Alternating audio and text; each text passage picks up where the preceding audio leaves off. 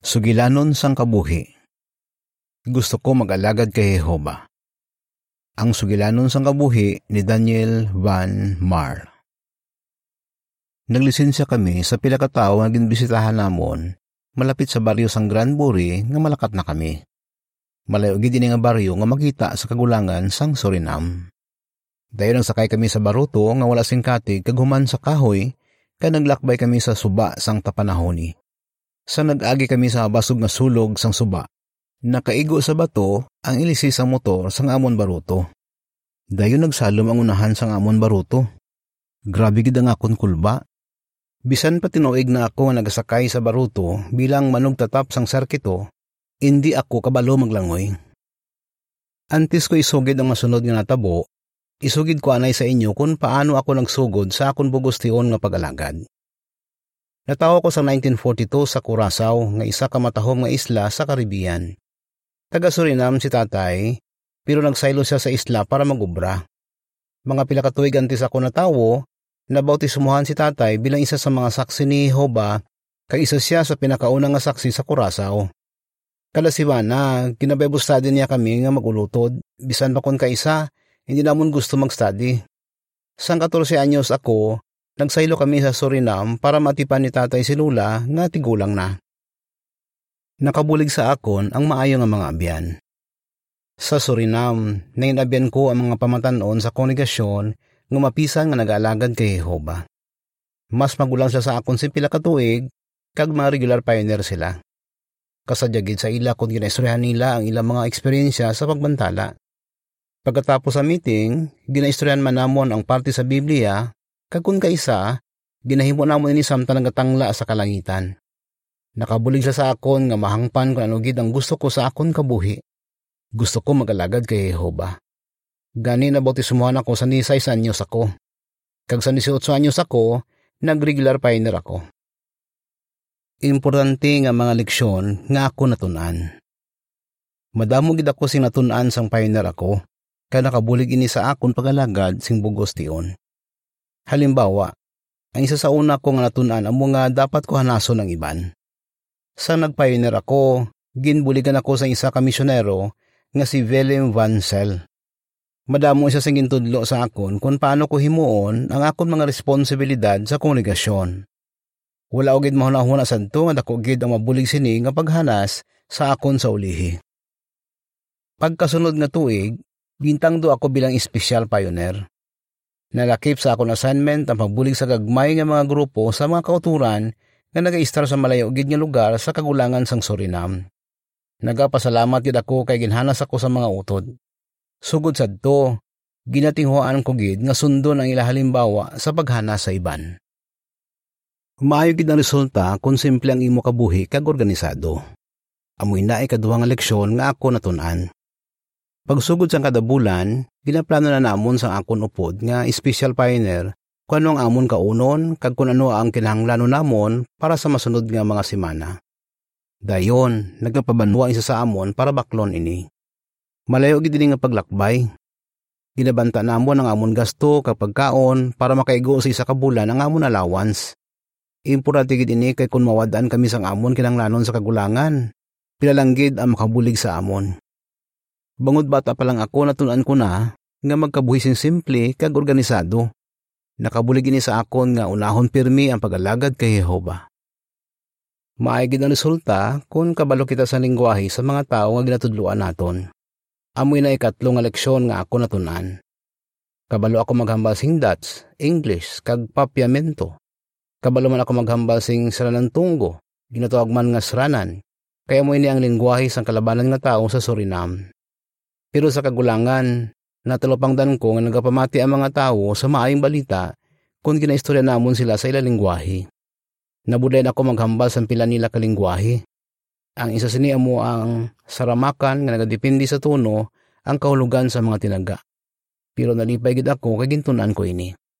Sa sulod sa mga tinuig, madamo ako sinatudluan ng mga tao parte sa kamatuoran, bangod kabalo ako sa ilang lingwahe. Siyempre may makahuluya man ako nga mga eksperyensya. Halimbawa, may isa ka babae nga naga-Bible study kag saramaka na iyang lingwahe. Bago nagasakit ang iya tiyan, ginpamangkot ko siya kung kamusta na iya pamatiyag. Pero ang napamangkot ko gali sa iya, kon bala, nagabusong siya. Siyempre nahuyagid siya sa akon ginpamangkot. Pero bisan pa sini, wala nagpugong sa akon nga istoryahon ang mga tao sa ilaling. Dugang nga mga responsibilidad. Sa 1970, gintangdo ako bilang manugtatap sang serkito. Sila nga tuig, ginapatan ako sa mga kauturan sa kagulangan ang isa ka slide.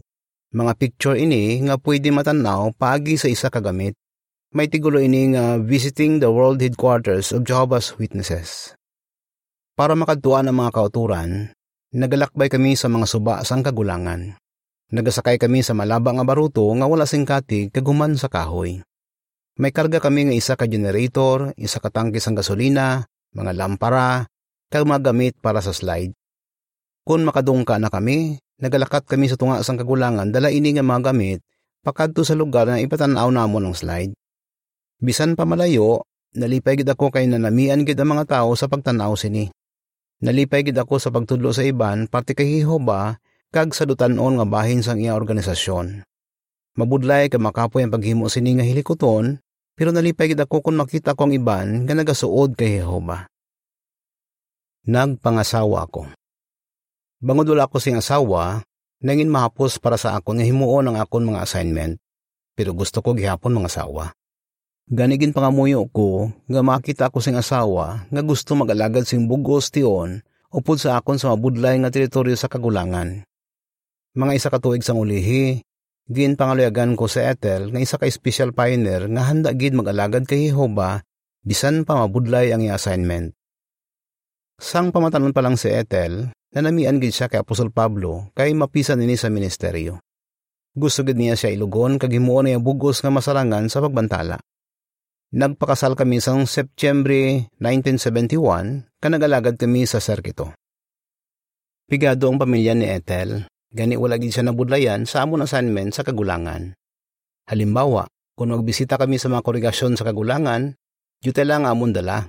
Sa suba kami nagapanglaba kag nagapaligo. Kag wala kami pili sa pagkaon bisan naman ang ihanda sa mga kauturan. Kung kaisa ginahanda nila kami sing iguana, piranha o kung bisan ano nga maayam nila sa kagulangan o kung makuha sa suba. Kung wala sing pinggan, sa dahon sa saging kami nagakaon. Kung wala sing kutsara kag tinidor, nagakinamot kami magkaon. Para sa amon ni Ethel, ang amon pagalagad si magkaupod kay Jehova, nakabuligid sa amon nga magsuod pagid kami kay Jehova. Hindi gid namon ini pag-ibaylo sa bisan ano nga butang. Isa ka adlaw, pagpauli namon halin sa pagbisita sa mga kauturan sa kagulangan, natabo ang ginsugid ko kay ina. Sa nag-agi ang baruto, sa mabaskog nga sulog sa suba, gulpi lang nagsalom ang unahan sang amon baruto, pero naglutaw man dayon. Maayo lang kay may mga life jacket kami, kag wala kami nahulog sa baruto. Pero napuno sang tubig ang amon baruto. Gani, Ginula namon ang pagkaon sa amon mga balunan kag gingamit ini para sa gahon ang tubig sa sulod sang baruto. Wala gid kami sing nabilin nga pagkaon. Gani samtang padayon kami nga nagausoy sa suba, nagapangisda kami. Pero wala kami sing makuha. Gani na nga muyo kami kay Jehova ka nagpangabay nga hatagan niya kami sing pagkaon para sa sadtong adlaw. Pagkatapos gid namon pangamuyo, nakabunit ang isa ka utod sa dako nga isda nga bastante na para sa amon nga lima nga mabusog sadto nga gabi. Bana, amay, kag manugtatap sang sarkito. Pagligad sang lima katuig nga pagalagad bilang manugtatap sang sarkito, wala gid namon ginpaabot na etel nga mangin ginikana na kami.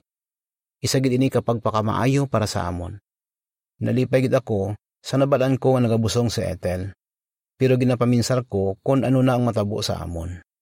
Gusto gid namon eh, tel nga magalagad gihapon sing bugos tion. Sa 1976 natawo ang amon bata nga lalaki nga si Etniel. Kag pagligad sa duwa ka tuig kag tunga, natawo naman ang ikaduha namon nga bata nga lalaki nga si Giovanni.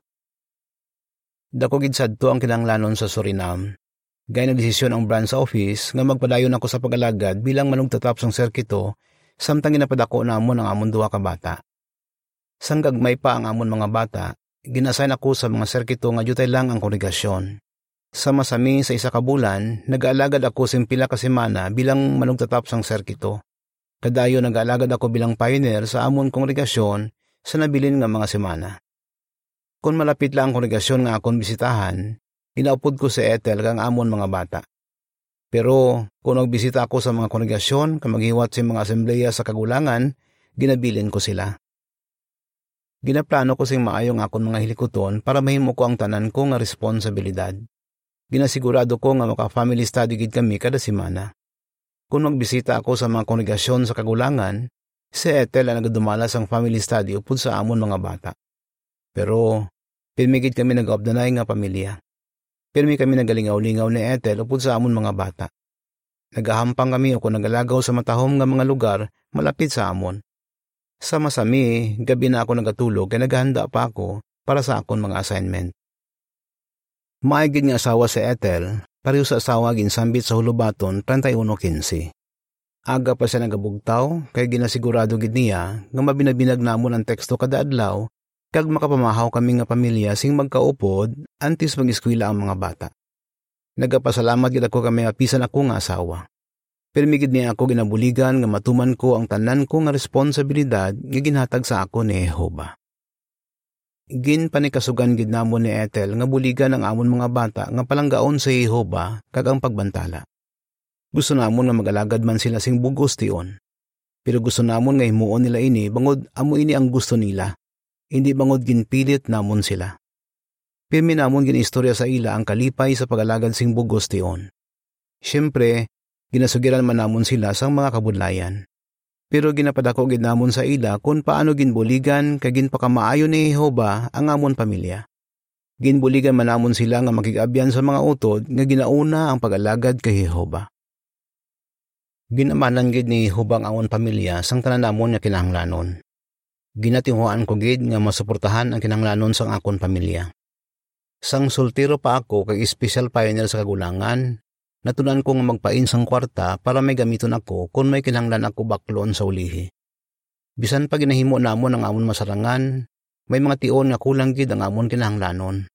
Pero permigid kami ginabuligan ni Jehova. Halimbawa, halin sa 1986 asa sa 1992, magamugid ang sitwasyon sa Suriname Mabulay gid sadto makatigayon bisan sang panguna nga mga kinahanglanon. Pero ginamanan gid kami ni Jehova. Wala ko gid ginhinulsulan ang akong desisyon. Sa bugos namo nakabuhi, wala gid kami ginpabayan ni Jehova kag ginbuligan gid niya kami nga maging malipayon kag kontento. Pagpakamaay gid sa amon ang amon mga bata. Kag nalipay gid kami kay napadako namon sila nga magalagad kay Jehova. Grabe gid ang amon kalipay kay desisyon man sila nga magalagad sing bugos tiyon. Nag-eskwela si Etniel kasi Giovanni sa natawag subong nga School for Kingdom Evangelizers. Kanag-alagad sila subong sa branch office sa Suriname, upod sa ilang mga asawa. Tigulan na kami ni Ethel, pero masako kami gihapon sa amon assignment bilang mga special pioneer. Ang matuod, bangod sa kasakoon namon, wala gihapon ako sang tion para magtuon maglangoy. Pero wala og ginhinusulan ang akon mga desisyon. Para sa akon, ang desisyon ko nga mag-alagad sa imbugos tion sang pamatanon pa ako, amo ang isa sa pinakamaayo nga desisyon nga ginhimo ko. Diri natapos ang artikulo.